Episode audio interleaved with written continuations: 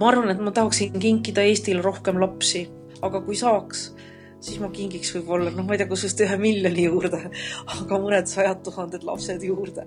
et äh, Eesti iive, et äh, eestlaste arv ei väheneks, et eesti keele rääkijate arv ei väheneks. et noh, lapsed on meie tulevik, see on nii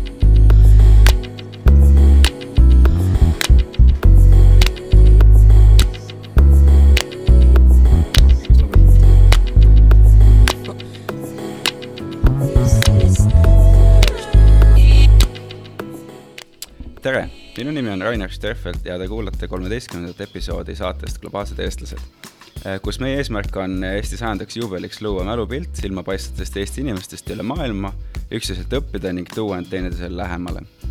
Eh, minu tänane saatekülaline on Eesti diplomaatia raudvara Marina Kaljurand, kes eh, on teinud Eesti riiki suursaadikuna, võib öelda, et maailma välispoliitika huvikeskustes Iisraelis, Ameerika Ühendriikides ja ka Venemaal kus ta kahe tuhande seitsmenda aasta aprillis, äh, kui Tallinnas pronkssõdurit eemaldati, kindlameelselt äh, tegutses.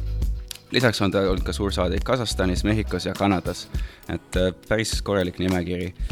hiljuti oli ta teises Taavi Rõivase valitsuses Eesti Vabariigi välisminister ning lõppeval kahe tuhande kuueteistkümnendal aastal ka üks Eesti Vabariigi presidendikandidaatidest, kes sai tugeva rahvatoetuse osaliseks, ma julgeks öelda.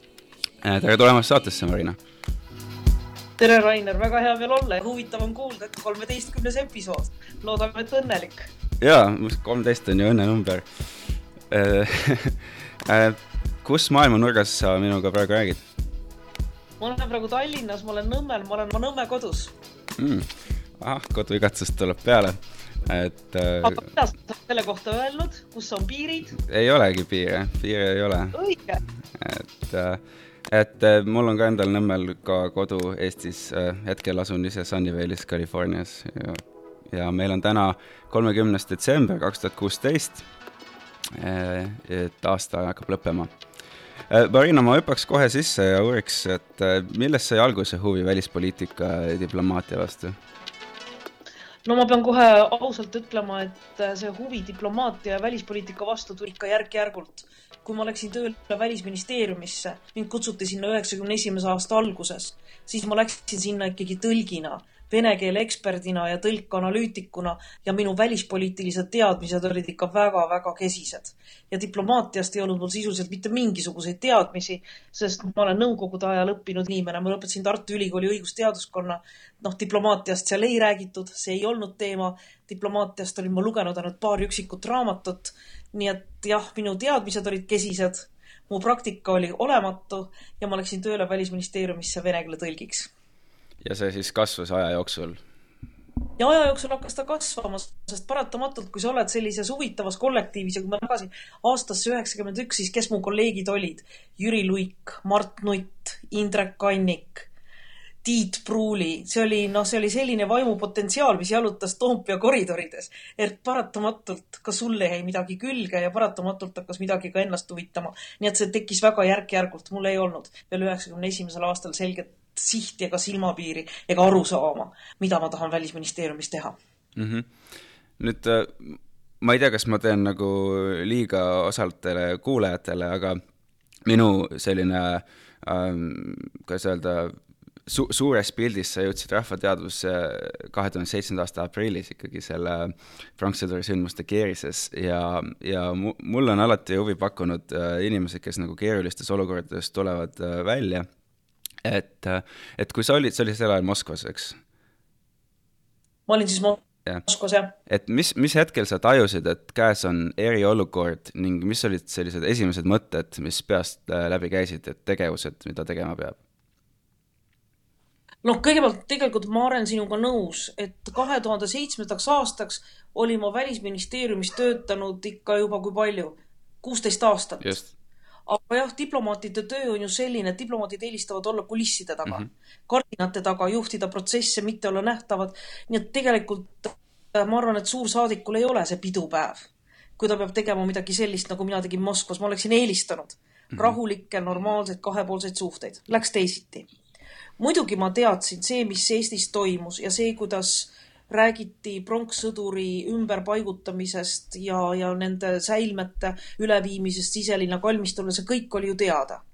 seda, et nii-öelda pinge kruvib üles, ka see oli teada. ja samal ajal suursaadikuna meie saatkond ja meie Välisministeeriumi Eesti ametnikkond, me tegelesime ka sellega, et leida võimalust ümbermatmiseks selliselt, et oleks kaasatud Vene pool. me tõesti töötasime selle nimel, et oleks saanud teha koos koos kõigi lugupidamisavaldustega matta need hukkunud siselinna kalmistule või sõjaväekalmistule. see ei õnnestunud. ja noh, huvitav on ka see, et kui kui sa veel mäletad aastat kaks tuhat seitse, siis kas kahekümne kolmandal või kahekümne neljandal aprillil suri Boriss Jeltsin. ja tal Moskvas olid tema matused, kus oli ka meie vabariigi president Toomas Hendrik Ilves, kes lahkus Moskvast kahekümne viiendal aprillil ja kahekümne kuuendal läks siis kogu see sündmuste jada lahti. nii et tegelikult meie president lahkus vahetult enne seda, kui need äh, našistid saatkonna ette tulid. et ajaloolise nii-öelda sündmuste valguses on hea rääkida sellest, et, et kui inimesed arutavad ajalugu, siis ja eriti sinu töös, et äh, millised on võib-olla sellised põhitõed, millele peaks toetuma, et vältida mõtlematut konflikti ning püüda teineteist mõista? no ma arvan, et ma olen diplomaat, ihu ja hingelt diplomaat. nii, nii oma praeguse töö tõttu, aga ma arvan ka oma iseloomuomadustelt. ema on öelnud, et ma olin alati diplomaat, mulle ei meeldinud tülid. kui keegi kuskil pahandas, siis ma püüdsin lepitada, püüdsin otsida lahendust, püüdsin olla kõigiga sõbralik. nii et ma arvan, et see on üks diplomaadile vajalik omadus, et püüda otsida lahendust. väga lihtne on kellelegi midagi halvasti öelda väga lihtne on öelda, see, mis sa räägid, on jama, ma pole sinuga nõus, ma enam kunagi sinuga ei räägi. aga siis tuleb alati ka mõelda, kuhu see viib. et ei tohi järgi anda hetke emotsioonile. kas halvasti öelda või solvata või öelda midagi sellist, mis võib riikidevahelistes suhetes või ka inimestevahelistes suhetes järgmisel päeval, ülejärgmisel päeval, võib-olla aasta pärast midagi mõjutada ja midagi halvemaks teha. kindlasti peab olema peab olema väga-väga rahulik ja peab suutma säilitada külma närvi, ka siis, kui sa tunned, et teine pool on sul nii välja vihastanud.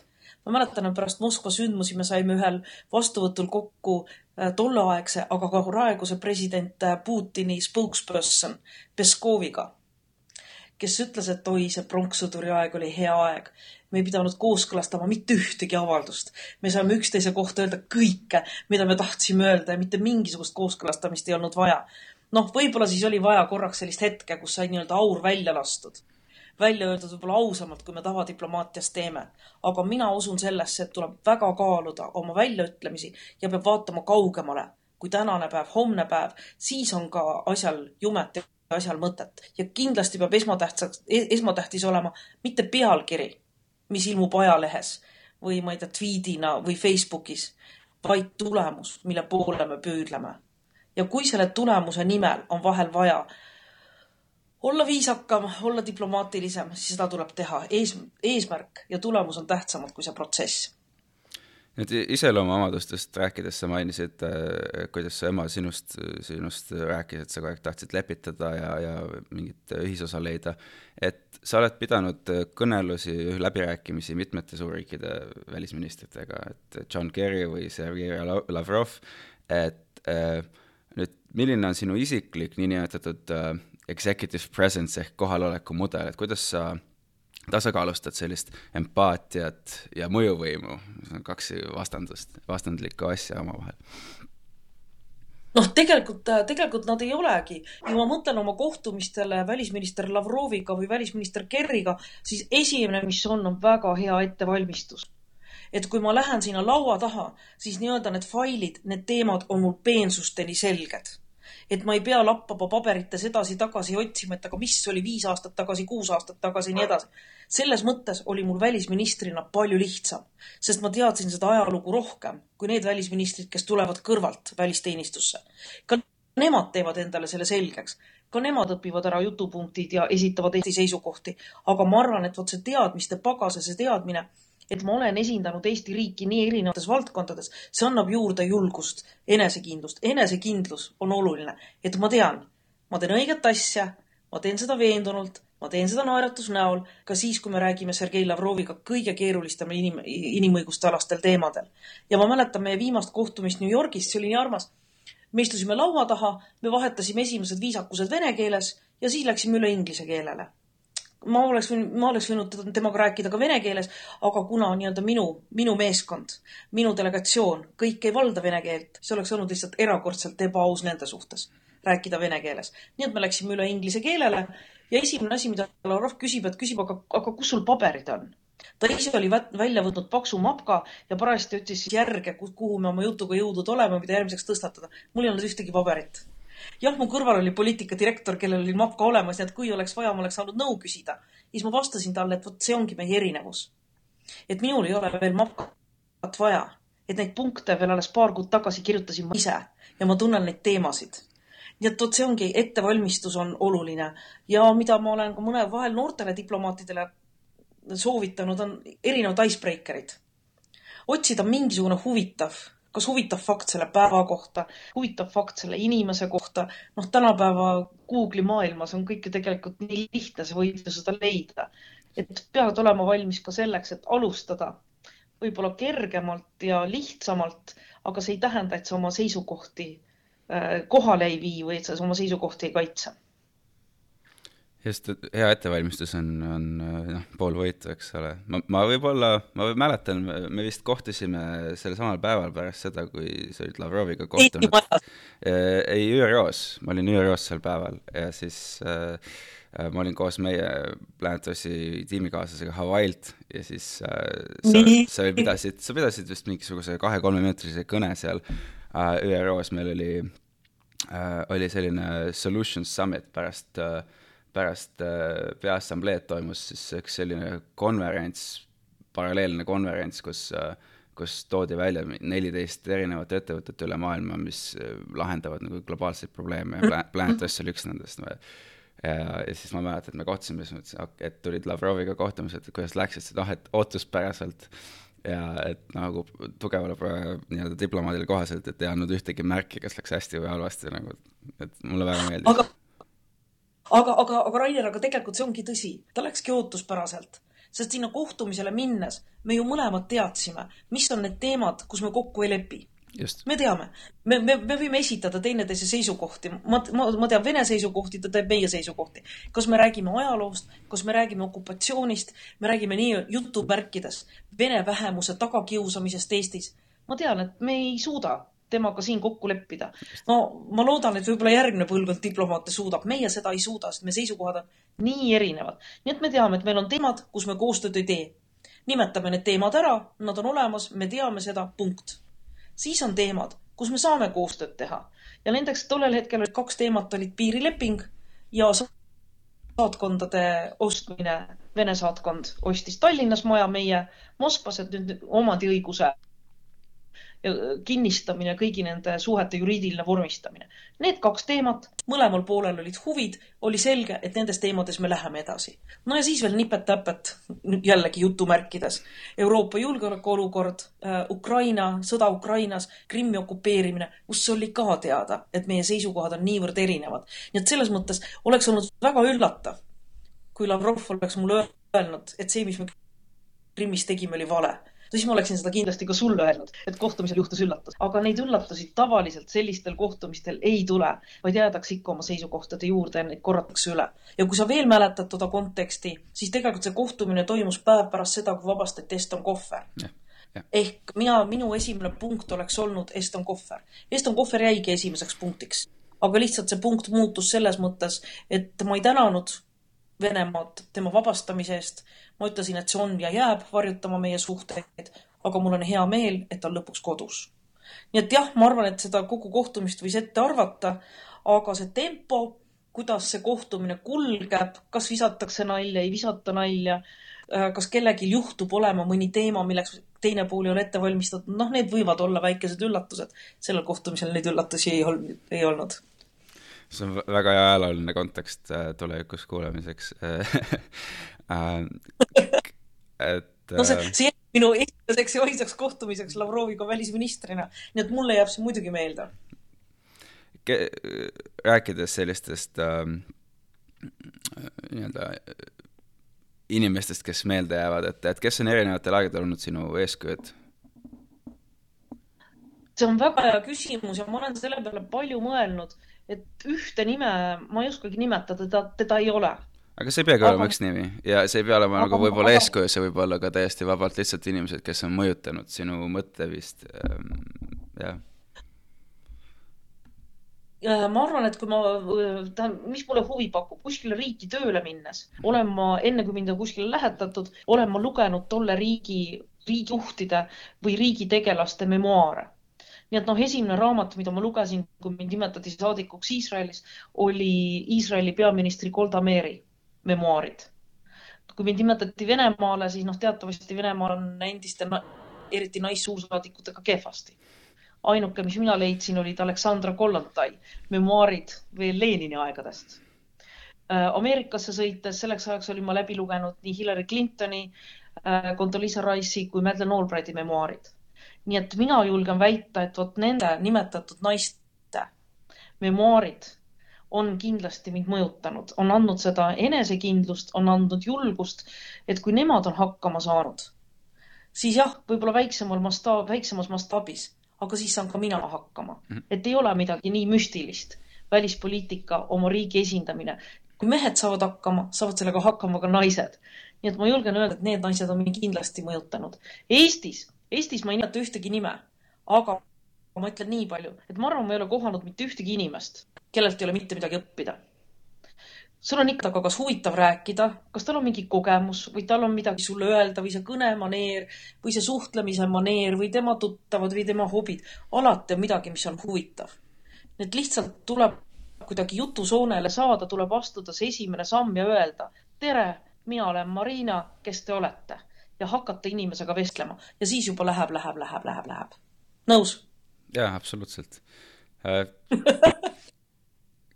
kui, kui, kui sa mainisid erinevaid riike ja, ja kuna sa oled tõesti viibinud väga paljudes riikides ja, ja osades nendest pikemalt, et kui me räägime näiteks Iisraelist ja Venemaast ja Ühendriikidest ja Mehhikost, siis need on riigid, millel on kas siis tugev äh, kogukond või siis tugev identiteet ja, ja kui panna kõrvale kõik sellised poliitilised erinevused ning mõelda vaid nende inimeste ühiskonna headele omadustele, mis võiks olla nende kogukondade sellised tugevused oh,? väga hea küsimus.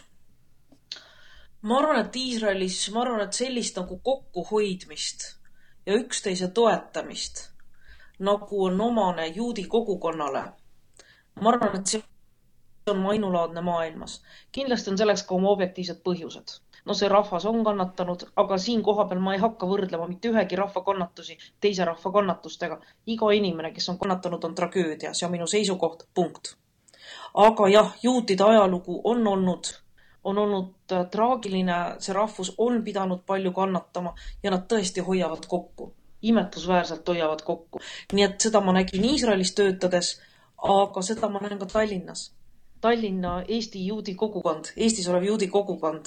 seal on erineva taustaga inimesi, äh, erinevatest kodudest, isegi erinevatest religioonidest käivad seal koos inimesed. aga nad, nad on väga uhked oma, oma päritolu üle nad hoiavad kokku. see, see on midagi, ma arvan, mida paljud teistel rahvastel on palju õppida, millest palju, millest teistel rahvastel on õppida. Venemaal Venemaal oli minu jaoks väga suur vahe Äh, nii-öelda sellel riigi ametlikul positsioonil, riigi ametlikul poliitikal ja inimestel. mida kaugemale ma läksin Moskvast, seda sümpaatsemad inimesed olid. no nad on, ma olen ise ju ka venelane, onju, aga ma ei ole Venemaal kunagi elanud, ma ei ole suhelnud Venemaa venelastega. aga see oli nii. Need äh,, sind kutsutakse külla. No need üritused, mis olid näiteks Setu külades jah, need on küll eesti külad, aga no ikkagi vene kommetega, Setu külad Venemaal. Nad olid juba ka sellised, nad olid üle võtnud ka vene kombeid. aga see avatus ja see noh, sõbralikkus oli täiesti ainulaadne ja ka Moskvas nendel keerulistel aegadel, kui minu suhted võib-olla ametliku Venemaaga olid piiratud, nad ei tahtnud minuga suhelda, siis tänaval astusid ikka inimesed juurde ja see oli uskumatult armas, mitte üks ei olnud, mitte üks ei olnud midagi halba. jah, nad ütlesid, et nad ei ole alati nõus Eesti valitsuse poliitikaga. aga nad ei arva ka, et suursaadikutega tuleb käituda nii, nagu minuga käituti. nii et need inimesed ikkagi, nad olid lihtsad, nad olid ausad, nad olid südamlikud. Ameerika Ühendriigid, no siin pead sina mulle, Võru, siin, siin pead sina ütlema. eks ta üks selline melting pot on, kuhu on kokku väga palju erinevaid taustu, väga palju erinevaid inimesi, aga mis mulle meeldib, mulle meeldib Ameerikas see, et igaüks julgeb öelda, igaüks julgeb olla, kes ta on. kui mina kasvasin, see oli küll nõukogude aeg, me kõik püüdsime olla ühesugused, mitte erineda. et olla ük, nagu samasugune nagu teised, siis sind ei märgata, siis sa ei pea midagi ütlema, sa ei pea midagi tõestama Ameerikas on see minu arust täiesti vastupidi. kui ma käisin seal koolides ja ülikoolides ja suhtlesin õpilastega, see, kui vabalt nad suhtlevad, kui vabalt nad esitavad oma küsimusi, kõik on lugupidav. aga just see vabadus ja see tunne, et kui uhke on olla vaba inimene vabal maal. ükskõik, mis värvi ta on, ükskõik, mis ta taust on, ükskõik, kuskohast ta vanavanemad on tulnud, see on midagi Ameerikale omapärast. ja viimane, sa küsisid Mehhikot. ma arvan, see võib olla mulle kõige keerulisem küsimus, sest tegelikult Mehhikos ma kohapeal ei elanud ma külastasin teda mitteresideeruva, ma külastasin seda riiki mitteresideeruva saadikuna mõned korrad. nii et, äh, aga jällegi, need inimesed, kellega ma kokku puutusin, uskumatult sümpaatsed, uskumatult armsad, uskumatult kenad. et äh, sa mainisid äh, seda, et enne igasse nii-öelda asukohariiki suundumist suursaadikuna sa lugesid läbi mõne memuaari mõne naispoliitiku äh, Äh, suurkuju äh, elust. et äh, sinu enda karjäär on ka olnud ju julgustav eeskuju kõikidele naistele, ähm, vähemalt Eestimaal või nendele, kes sind jälgivad ning sa oled ka võrdõiguslikkusest palju kõnelenud, et, et kui palju sa oled ise pidanud kogema sellist ähm, šovinismi ja kuidas sa sellest üle oled ning äh, võib-olla, mis on sinu soovitus teistele naistele või, või siis ka meestele, kes tunnevad end diskrimineerituna? Äh, see küsimus on jälle väga huvitav selles mõttes, et ma isiklikult ei ole mitte kunagi kogenud seda, et mul jääb midagi saavutamata või ma ei saa midagi teha sellepärast, et ma olen naine või minusse suht- teistmoodi, mitte kordagi. ja isegi nendel võib-olla esimestel kohtumistel, kus ma käisin diplomaadina ja rahvusvahelise õiguse eksperdina, mis on alati olnud ikkagi meeste pärusmaa, siis hakati, ma, ma kordagi ei tundnud seda nii et võib-olla mul on selles mõttes vedanud. muidugi üks küsimus, mida ma ei ole endale lõpuni selgeks mõelnud ja millest ma lõpuni aru ei saa ja pean endale selgeks tegema, on seesama Eesti palgalõhe küsimus. meeste-naiste palgalõhe.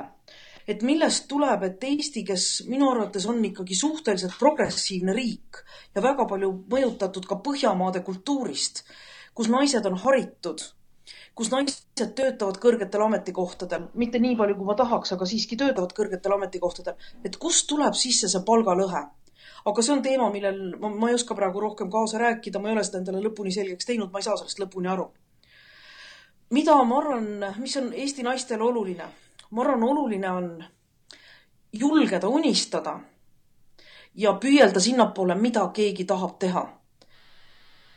kõik oleme kordumatud keegi leiab oma kutsumuse diplomaatias, keegi leiab oma kutsumuse IT-s, keegi leiab oma kutsumuse lapsi kasvatades koduperenaisena, keegi on juuksur. me kõik oleme erinevad ja me peame oskama hinnata igat inimest, kes saab endaga hakkama ja kes kasvatab üles lapsed. Kui ta ei soovi kasvatada lapsi, see on tema valik. Me peame ka seda aktsepteerima. ehk esimene, igal naisel peab olema õigus valida sellist oma eluteed, nagu ta soovib. Teine, meil peab olema julgust küsida abi ja toetust, kui me ei saa endaga hakkama, mis on ka normaalne. no meil kõigil on ju, on, on paremaid päevi, on kehvemaid päevi. vahel tuled õhtul koju rampväsinud, sa ei taha mitte kellegagi rääkida, mitte kellegagi suhelda ja siis on nii hea teada, et sul on mingisugune tugi olemas. on see siis perekond, on see abikaasa, on see lapsed, on see sõber, on see sõbranna, vahet ei ole, kes ta on, aga peab olema tugi. ja kui sa vahel näitad oma nõrkust, see on okei okay. et mina väidan, et nõrk ei ole mitte see inimene, kes kukub ja püsti tõuseb, vaid nõrk on see, kes jääb pikali. tugev inimene tõuseb püsti, õpib, läheb edasi. nii et meil kõigil on õigus olla nõrk. ja meil kõigil on õigus eksida. vähe on neid, kes suudavad algusest peale oma elutee paika panna ja mööda seda eluteed minna eksimatult, vähe on neid. aga eksimustest, eksimustest tuleb õppida, tark inimene õpib sellest. kas ma olen ise eksinud? muidugi olen. kas ma olen inimestele liiga teinud? olen. kui mul on olnud võimalus, ma olen vabandanud. Aga kindlasti olen ma kõigist nendest juhtumistest õppinud, et meil kõigil peab olema õigus eksida, meil kõigil peab olema õigus unistada ja kõigil peab olema, peab olema õigus olla vahel ka nõrk ja paluda abi ja toetust. ja peab olema võrgustik, mis toetab. me ei saa sundida naisi poliitikasse, näiteks. aga me peame teadma ja me peame toetama neid naisi, kes tahavad poliitikasse minna, mitte valetades. mina võin öelda, et iga naine, kes läheb poliitikasse, peab arvestama, ta võetakse tükkideks. Ta välimus, tema sõnad, tema perekond, tema lapsed, tema kõik võetakse tükkideks, pannakse jälle kokku. et selleks peab olema valmis, peab väga ausalt rääkima, mida tähendab poliitikasse minek aga peab ka julgustama ja kui keegi tahab minna, tuleb toetada. et kuigi see pole viimasel ajal väga popp, aga noh, mida Madeleine Albright on öelnud, et põrgus on eraldi nurk nende naiste jaoks, kes teisi naisi ei toeta. no seda võib võtta huumoriga. Aga toetusvõrgustik ja just see, et igaüks saaks püüelda sinnapoole, mida ta tõesti tahab teha ja teda tuleb toetada. kui sa mõtled nagu sellise diplomaadi igapäevatöö peale siis võib-olla, mis on selline olulisim või suurim osa diplomaadi tööst, mida inimesed tegelikult ei näe, nagu sa ütlesid ennem kulisside taga? noh, tegelikult on, ma arvan, et siiamaani on diplomaatide elu ja töö ümber hästi palju sala, salapära, hästi palju stereotüüpe no ma ei tea, võib-olla ma eksin, aga ikkagi, kui sa ütled diplomaat, no siis inimeste teadvusse tuleb, et elab seal välismaal, sööb välismaal küpsiseid ja šampuseklaas on käes ja sahiseb mööda parketti edasi-tagasi oma peenes kleidis. et ma arvan, et see stereotüüp veel kuskil elab inimeste teadvuses. tegelikult on diplomaat samasugune ametnik nagu paljud teised. see on palju-palju tööd, palju-palju arvuti taga istumist, memode lugemist, aruandlust ja väga palju suhtlemist võib-olla see suhtlemise pool on see, mis eristab diplomaate teiste erialade inimestest. me peame suhtlema. ja kui on valida väga targa diplomaadi vahel, kes käib mööda nurki sellise näoga, et ära astu mulle ligi, ja vähe rumalama diplomaadi vahel, aga kes astub julgelt ligi ja hakkab seletama, kus on Eesti, mis on Eesti, vastab küsimustele, siis diplomaat on see, kes julgeb rääkida, suhelda, nii et see on midagi, mis peab diplomaadil veres olema, mis peab meeldima ja seda jõuga ei tee. kindlasti saab õppida nõkse, kuidas olla šarmantne, aga sellist päris karismat ikka juurde ei õpi, see peab olema inimesel sünnipärane ja ka soov suhelda peab olema sünnipärane. nii et ma arvan, et need stereotüübid ongi võib-olla see, mis praegu ikka veel diplomaatide kohta käib ja see on ka üks põhjus näiteks, miks Välisministeeriumis me oleme püüdnud hästi palju mööda Eestit ringi käia ja rääkida lihtsalt oma tööst. see on konsulaartöö, see on meie ettevõtete ärihuvide edendamine, see on julgeolekupoliitika, see on arengukoostöö, seal on nii erinevad valdkonnad ja see kõik on tegelikult nii lihtne, mis me lõppude lõpuks teeme. aga sellest tuleb rääkida, rääkida, rääkida, et diplomaatia müüt ükskord maha murda. aga muidugi meil on ka see ilus pool. jah, ma arvan, et keegi vist ei käi vastuvõttudel nii palju, kui käivad diplomaadid, kuigi see on töö see ei ole puhkus. nii et noh, mis minu viga on, tavaliselt ma olen vastuvõtult tagasi, mul on kõht nii tühi, mida on näha ka juuresolevat pildilt ja kohe külmkappi, sest vastuvõtult sa suhtled, suhtled, töötad, töötad, sa ei jõua ei süüa, juua, mitte midagi. tuled koju rampväsinuna kohe külmkapi kallale, mis on väga-väga vale, ärge keegi palun niimoodi tehke. aga no vot, on sellised, tõesti glamuuri on. diplomaadi töö annab võimaluse kohtuda inimestega, kellega ma muidu poleks mitte kunagi kohtunud. on nad siis riigipead või on nad ettevõtjad ma ei usu, et meie teed oleks sinuga näiteks kokku viinud, kui ma ei oleks äh, diplomaat või, või välisminister või töötaksin asutuses, mis tegeleb Eesti diplomaatia ärihuvidega. nii et see on midagi erilist, mis on diplomaatidel väga-väga suur boonus, võimalus kohtuda väga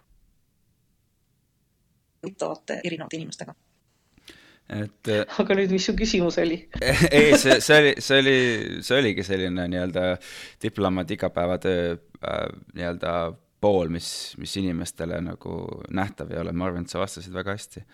et äh, ja sa vastasid, sa võrdlesid ka seda, et, et nii-öelda parimate või noh, nagu hea ja halva diplomaadi vahel, aga kus, kus nii-öelda halb diplomaat on siis see, kes nagu võib-olla, või nõrk diplomaat siis see, kes suhtleb, on ikkagi parem, et sa se-, selles valguses nagu ähm, huvitav selline küsimus, et, et võib-olla kuidas tulevad äh, parimad diplomaadid toime petlike partneritega, kes võib-olla oma sõna ei pea ja, ja kas diplomaatias saab endale lubada pikalt vihapidamist? jah, jällegi väga-väga-väga head küsimused. kõigepealt ma arvan, mis puudutab petmist, siis see, ma arvan, see on ühe, ühtemoodi kõigis valdkondades.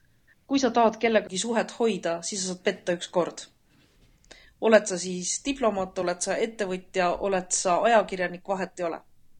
usaldusele, kõik on üles ehitatud usaldusele.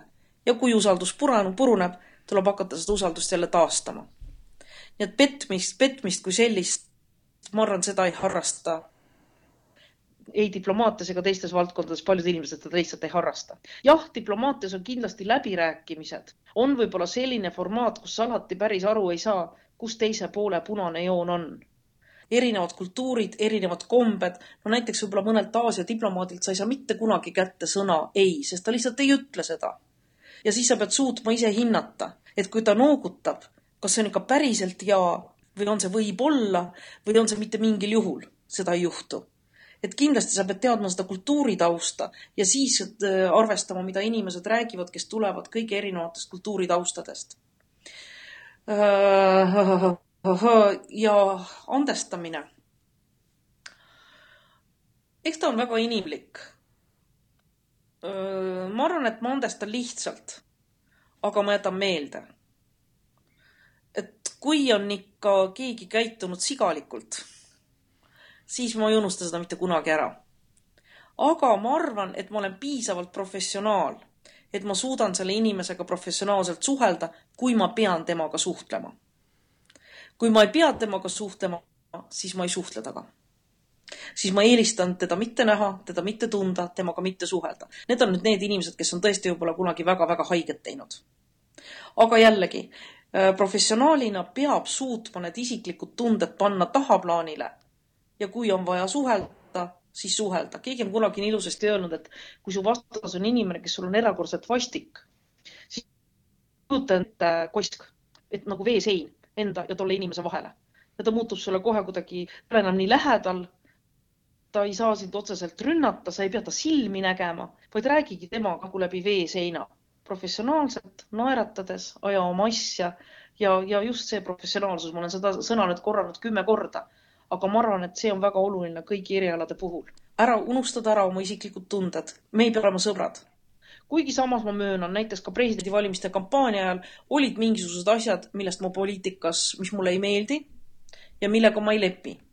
näiteks ma ei lepi sellega, et mulle kaamerate ees või kuskil raadioeetris öeldakse ühte ja siis, kui kõik kaamerad ja mikrofonid on kinni pandud, tuleb seesama inimene, patsutab õlale, ütleb, et kuule, ega ma tegelikult nii ei mõelnud. et saad sa aru, see on poliitika. ei saa vot see on midagi, millest ma aru ei saa ja selge see, et selle inimesega ma edaspidi suhtlemist püüan vältida. ehk nii palju olen ma küll õppinud, et ma püüan vältida suhtlemist nende inimestega, kellega ma ei pea suhtlema ja kellega ma ei taha suhelda.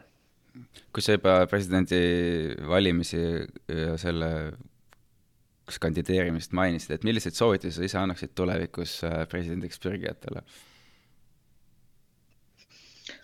No Eestis on see seadusandlus ja selle seekordne presidendikampaania, nad läksid ikka teineteisest täiesti mööda.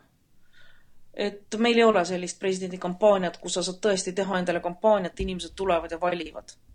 president on poliitiline kokkulepe. nii et esimene soovitus minu poolt on, tuleb kokku viia see presidendi tegelik funktsioon ja presidendi valimise kord. seekord jah, meil muutus väga palju selliseks noh, pool või, või veerand ameerikalikuks kampaaniaks. aga tegelikult ei ole ju presidendi valivad valijamehed, noh, antud juhul presidendi määrasid Riigikogu liikmed. see ei ole, noh, see ei ole, see ei ole selline valimine, nagu me klassikalise valimise all mõtleme, nii et see tuleb omavahel kokku viia. protsess ja tulemus ja kuidas see toimub. aga mina arvan küll, et kõigil, kellel on väike Marsseli kepike põues, jällegi julgelt edasi aga selleks tuleb leida mingi poliitiline jõud.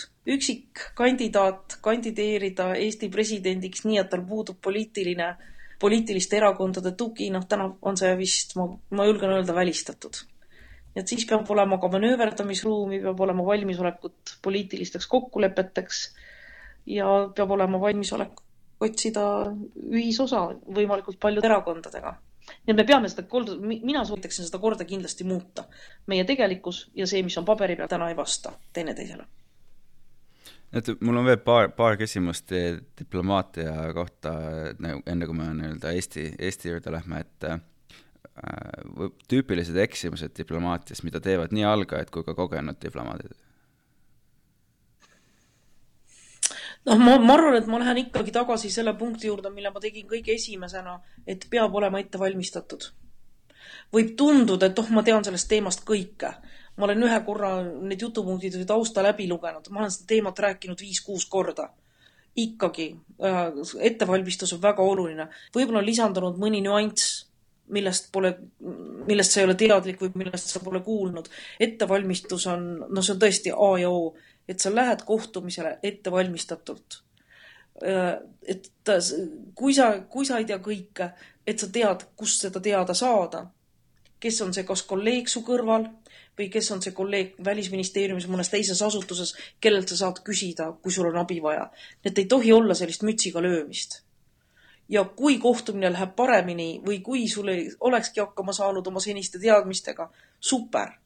Aga see kodutöö peab olema piisavalt tehtud ja ettevalmistused peavad olema tehtud igaks kohtumiseks, igaks päevaks.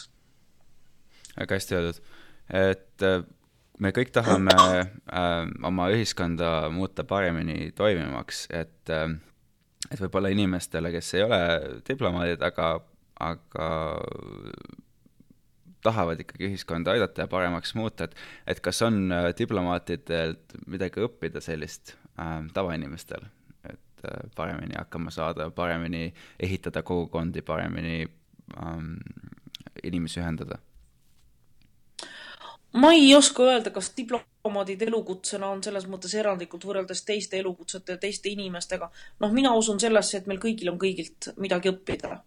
võib-olla jah, võib-olla tõesti läbirääkimisoskust, oskust suhelda erineva kultuuritaustaga inimestega, suhelda erineva päritoluga inimestega, võib-olla diplomaatidel on see omasem, aga jällegi, vaata tänast globaalset maailma tänapäeva, tänapäeva maailmas ei ole enam ainult diplomaadid need, kes käivad teises riigis tööl, nagu oli paar sajandit tagasi täna on ju reisimine ja globaalsus jõudnud meie kõigisse, kõigisse eluvaldkondadesse.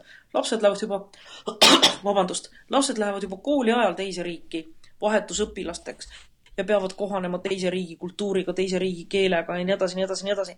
nii et ma arvan, et see diplomaadi elukutse on täna osana sees juba praktiliselt kõigis elukutsetes ja kõigis inimestes, kes välismaailmaga kokku puutuvad. ja need, kes ei puutu välismaailmaga kokku, siis ma arvan jah, et ma olen nõus, et ka kodus suheldes naabriga, suheldes sõbraga, no ikka selline rahulikkus, kannatlikkus, naeratamine. ma arvan, need tulevad alati kasuks aga, aga ma, mida ma tahan rõhutada, ma ei, ma ei ole nõus sellega, et diplomaadid on mingi eriline kildkond või mingisugused erilised inimesed. väga tavalised, nagu paljud teised, eriti veel täna, kus maailm on tõesti meie ümber muutunud ühtmoodi lai, suureks, laiaks ja teiselt poolt ka palju kättesaadavamaks kui kunagi varem ja ei, ma ei mõelnudki, et diplomaadid on kuidagi, sünnivad kohe mingi supervõimetega, eks ole, et ma pigem arvangi, et nagu need süsteemid ja tööriistad, mida diplomaadid on sunnitud kasutama, on hästi kasulikud ka tavaelus, et, et sa ei saa jätta nagu seda ainult nagu diplomaatide kaela, et nagu inimestega hästi läbi saada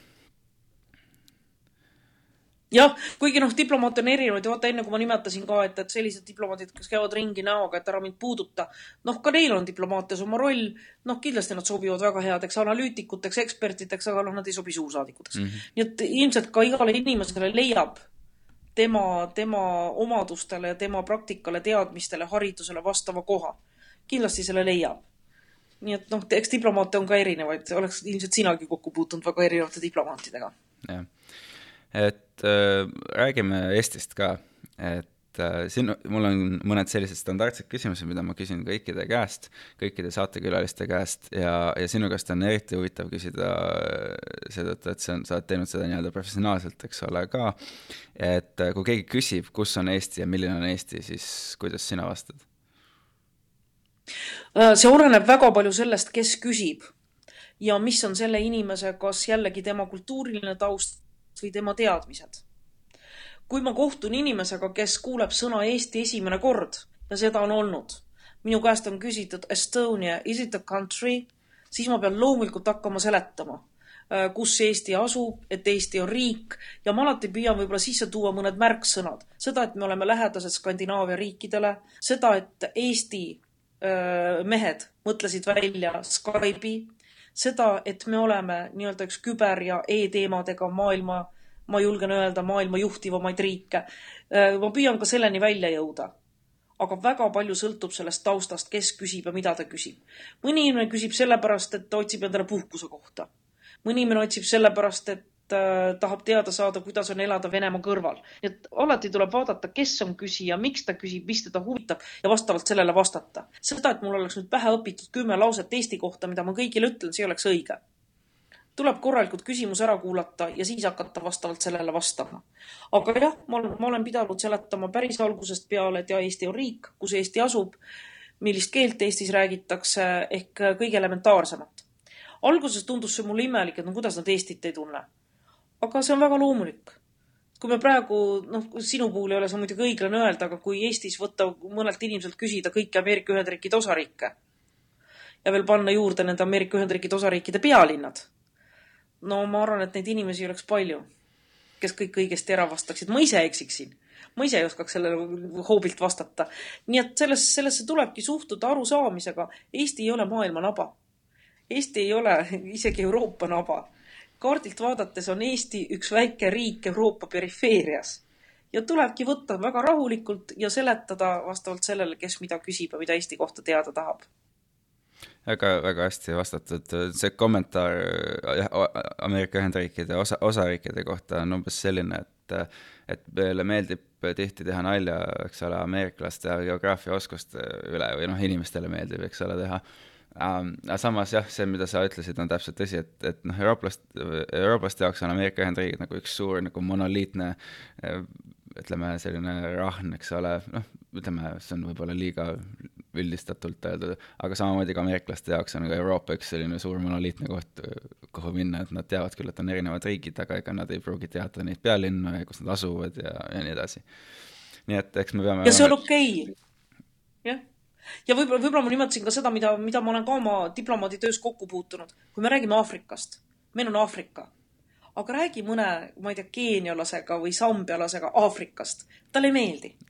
samamoodi nagu me ei taha, et meist räägitakse kui Euroopast, igaüks tahab, et äh, teda tuntaks, teda teataks. aga meil on ju lihtne no vaata, mis seal Aafrikas on, Aafrikas on kodusõda. kus on kodusõda, oleme täpsed, kus toimub, mis toimub, et kui me tahame, et meid teatakse, siis ka meie peame teadma samasuguse täpsuse, detailsusega teisi riike. jah, väga õige. et ähm, sa oled, sa oled maailmas äh, palju ringi käinud ähm, mida sina arvad, mida saaksime eestlastena oma oskustes, käitumises parandada, et meil läheks rahvusvahelises konkurentsis veel paremini? Äh, kõigepealt ma julgen öelda, et eestlased on rahvusvahelisel pildil väga edukad. seda ma räägin nüüd jälle oma kogemusest. Äh, kui ma olen käinud välismaal kõrgkoolides ja ma olen püüdnud käia nii paljudes kõrgkoolides kui vähegi võimalik, kui mind on kutsutud siis alati on kas auditooriumis olnud eestlane või keegi, kes tunneb Eestit või keegi, kes on kuulnud Eestist või käinud Eestis, et tegelikult see teadmine Eestist on ikka uskumatult kõrge võrreldes sellega, kui väike riik me oleme ja kui vähe meid on. nii et ma julgen öelda, et eestlastel rahvusvaheliselt äh, meid tuntakse ja meil läheb hästi. Ja ma julgen ka öelda, et täna on väga prestiižne olla eestlane seda ma näen ka oma suursaadiku kogemuse pealt, et see on muutunud. kuidas inimesed võtavad välja Eesti passi, kuidas nad tahavad olla Eesti kodanikud, kuidas nad tahavad kaasa rääkida äh, meie riigi arengus, ka see on muutunud, ehk praegu on väga popp olla eestlane. iga eestlane, kes elab välismaal, on Eesti suursaadik ja seda ma ütlen ilma igasuguse liialduseta. Sest kui diplomaatidelt küsitakse midagi Eesti kohta, siis see on meie töö kui sinult küsitakse midagi Eesti kohta, siis sind usutakse palju rohkem kui mind. sest sa ja sulle ei maksta selle eest, et sa Eestit promod ja sinult küsitakse väga lihtsalt ja arusaadavalt, et mis riik see on. no räägi mulle midagi selle kohta, nii et iga üksik inimene, iga eestlane, kes on välismaal, on tegelikult Eesti suursaadik ja aitab luua seda kuvandit. nii et ma ei võtakski nii traagiliselt, et täna elab nii palju eestlasi välismaal. Jah, ma loodan, et nad tulevad koju, kõik ei tule kunagi koju. kõik ja see on, ja ka see on okei okay., aga ma väga tahan, et need eestlased, kes elavad välismaal, alati tunnetaksid, et nad on osa Eestist. Nad on osa, noh, meie kodumaast ja nad saavad panustada, nad saavad kaasa rääkida ja nad saavad promoda meie riiki. ja jah, nagu see hashtag Estonian Mafia, ta on võimas täna kasutame seda võimalust, et meie vastu tuntakse huvi, meist räägitakse ja ma olen olnud Ameerika Ühendriikides nii mõnelgi üritusel, nii mõnelgi seminaril, kus jutu sees räägitakse Eestist, ilma et me ise oleme paneelis või ilma, et me ise seda teemat tõstataksime, vaid Eestit tuuakse näiteks. et meil on, mille üle uhke olla ja ma arvan, et kõik koos, nii Eestis olles kui välismaal olles, me saame Eestit veel suuremaks teha äh Eesti saab äh, vähem kui kahe aasta pärast sajastaseks mm.. Ähm, või noh, Eesti Vabariik äh,, siis kui sul oleks äh, võlukepp äh,, siis mida sa tahaksid soovida või kinkida Eesti Vabariigi sajandaks sünnipäevaks? ma arvan, et ma tahaksin kinkida Eestile rohkem lapsi. Päris selle sõna kõige otsesemas mõttes, sest noh, olles osa Euroopast ja vaadates seda demograafilist olukorda, mis meil on, no kehvakene ja jah, on valitsuse poolt, riigi poolt meetmeid tarvitusele võetud, aga kui saaks, siis ma kingiks võib-olla, noh, ma ei tea, kus just ühe miljoni juurde, aga mõned sajad tuhanded lapsed juurde. et äh, Eesti iive, et äh, eestlaste arv ei väheneks, et eesti keele rääkijate arv ei väheneks. et noh, lapsed on meie tulevik, see on nii. see on äh, tõenäoliselt kõige parem soov siiamaani. mis või siis vähemalt kõige originaalsem et äh, jah, et äh, mõned kiired küsimused lõpetuseks ka, et sa mainisid korraks ähm, seda, et äh, noh, et vastuvõtudel käies on palju tööd, jõuad koju, et siis nagu sihuke väsinud ja ei ole, ei ole söönud ja on stress. nagu paljudel inimestel tänapäeval tempo on kiire ja infomüra on suur ja, ja tekib kindlasti nagu suur stress ja, ja mulle meeldis, kuidas sa ütlesid, et tugev on see, kes nagu püsti tõuseb äh, et eh, milline on sinu nii-öelda sisemine dialoog või, või isiklikud või sellised tööriistad võib-olla, et kui sa oled äh, eriti stressirohkes äh, nii-öelda situatsioonis või, või läbi elad sellist stressirohket perioodi?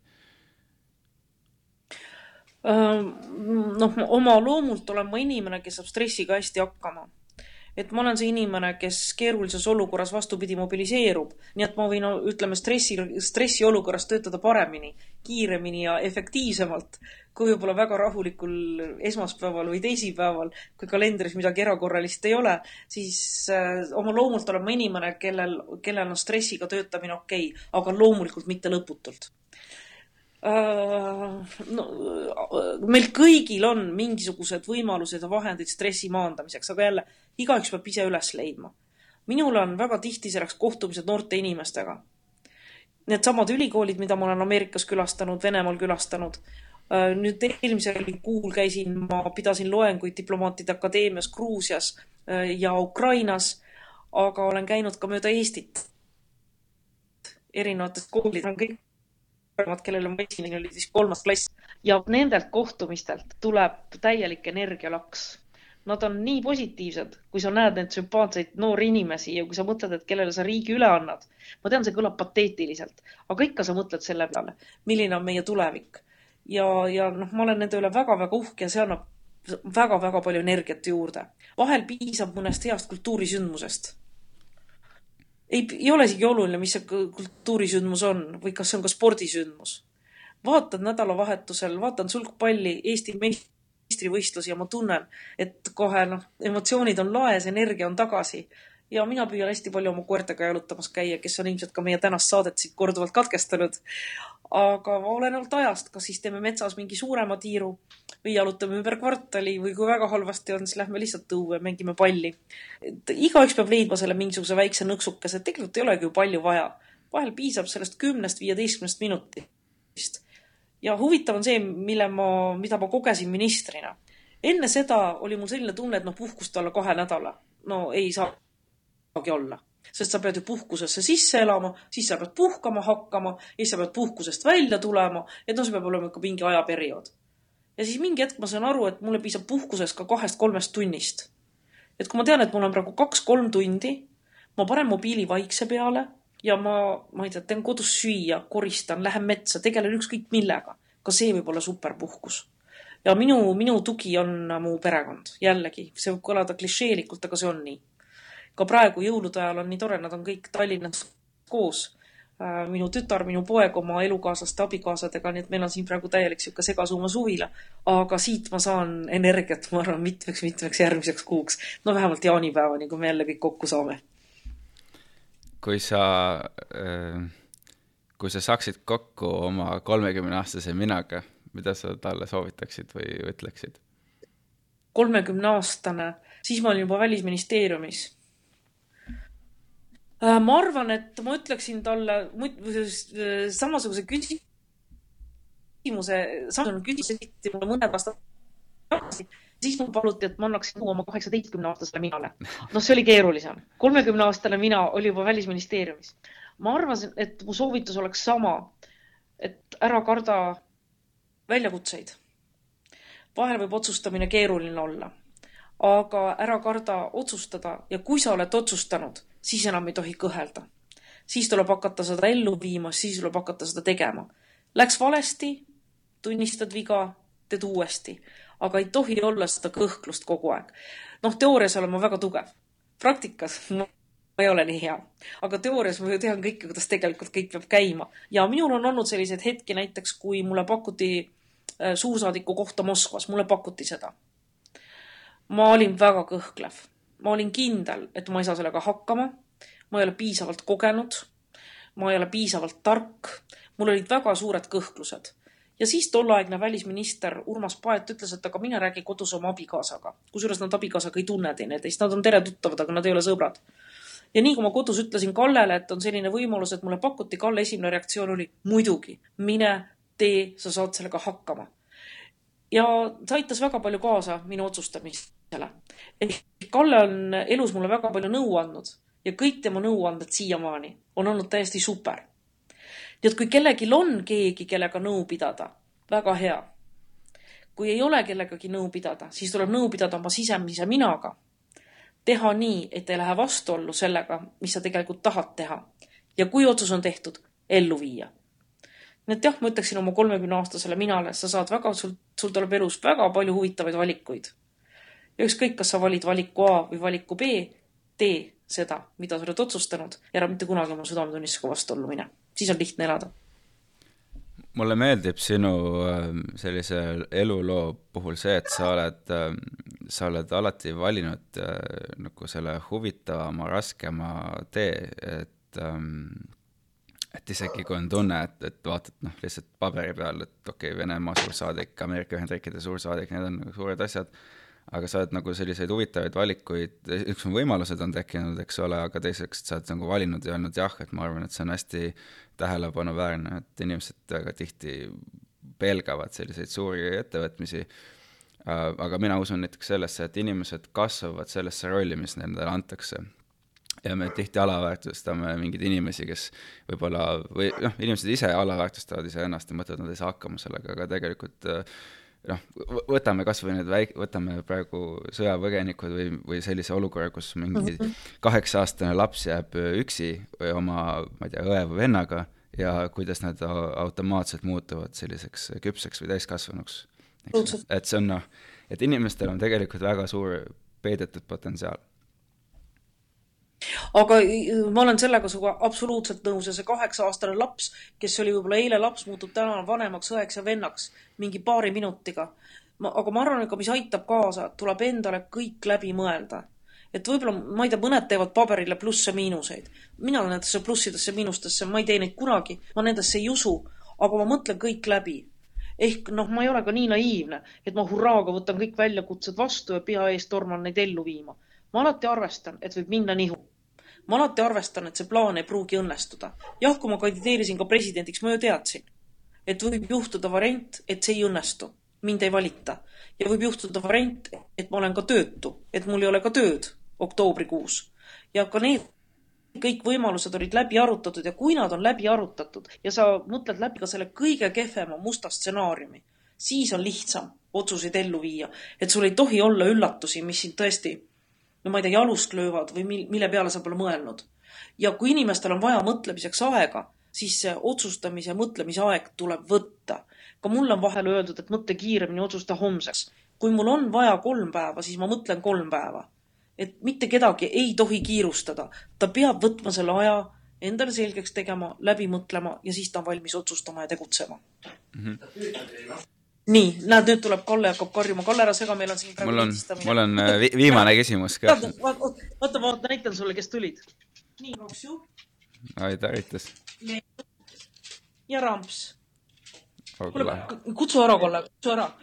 Kalle ei teadnud, et me räägime, ta lasi nad kõik siia sisse, nüüd nad kõik korras viidi ära väga lahe, mulle meeldivad koerad uh, et äh, viimane küsimus on, äh, sa juba korraks mainisid äh, seda, neid raamatuid või memuaare, mis sa lugesid, mis sind mõjutasid, aga aga võib-olla, ma ei tea, kas sa oled, kas saaksid välja tuua mõne konkreetselt, mõne, mõned raamatud, mis on sind elus enim mõjutanud või siis raamatud, mida, mis, mida sulle meeldib kinkida, et me tavaliselt paneme kirja sellised raamatusoovitused globaalsete eestlaste sinna podcast'i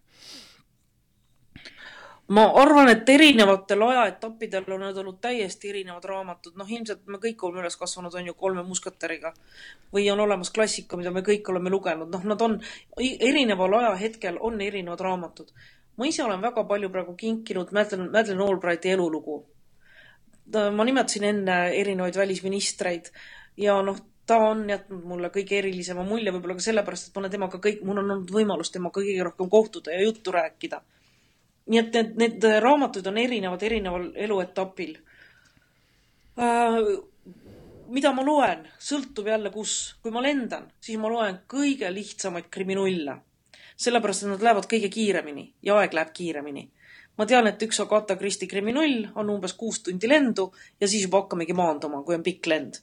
nii et pikal lennul jah, on olemas tööasjad, mida tuleb lugeda, aga need ajavad kohe magama, et siis tuleb võtta mingisugune huvitav raamat ja lend läheb kiiremini Äh, Eestis on ilmunud väga palju huvitavaid memuaare, just hiljuti mul soovitati lugeda Perekond Oviiridest. võib-olla võtan selle järgmiseks raamatuks. nii et mulle ikkagi meeldivad sellised äh, raamatud, mis on seotud konkreetsete inimestega. no võib-olla viimane huvitav lugemine oli Mihkel Raua teine raamat, ohohoo, mille pealkiri mulle ei tule meelde Mihkel Raua teine raamat, ma panen sulle pärast meili, mis, mis ta nimi oli. see oli väga huvitav raamat, läks lennates. noh, seda enam, et Mihkel Raud on ka mu koolivend, me oleme lõpetanud sama kooli. nii et tema esimene raamat rääkis meie koolist. nüüd ta rääkis rohkem oma isiklikust elust, väga huvitav raamat. et ikkagi nad on rohkem sinna elulugude ja inimeste lugude kanti mm. -hmm. väga hea soovitus. Marina, äh, ma väga tänan sind, et sa võtsid selle aja minuga rääkida täna siin aasta lõpus ma soovin sulle kena aastavahetust ja jõudu uueks aastaks. kuule, Rainer, suur aitäh sulle, väga meeldiv vestlus oli ja samad sõnad sulle ja kõigile kuulajatele.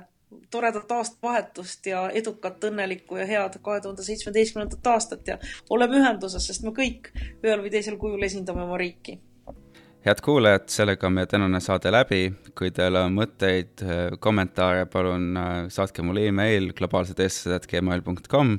Kuulmiseni Yes.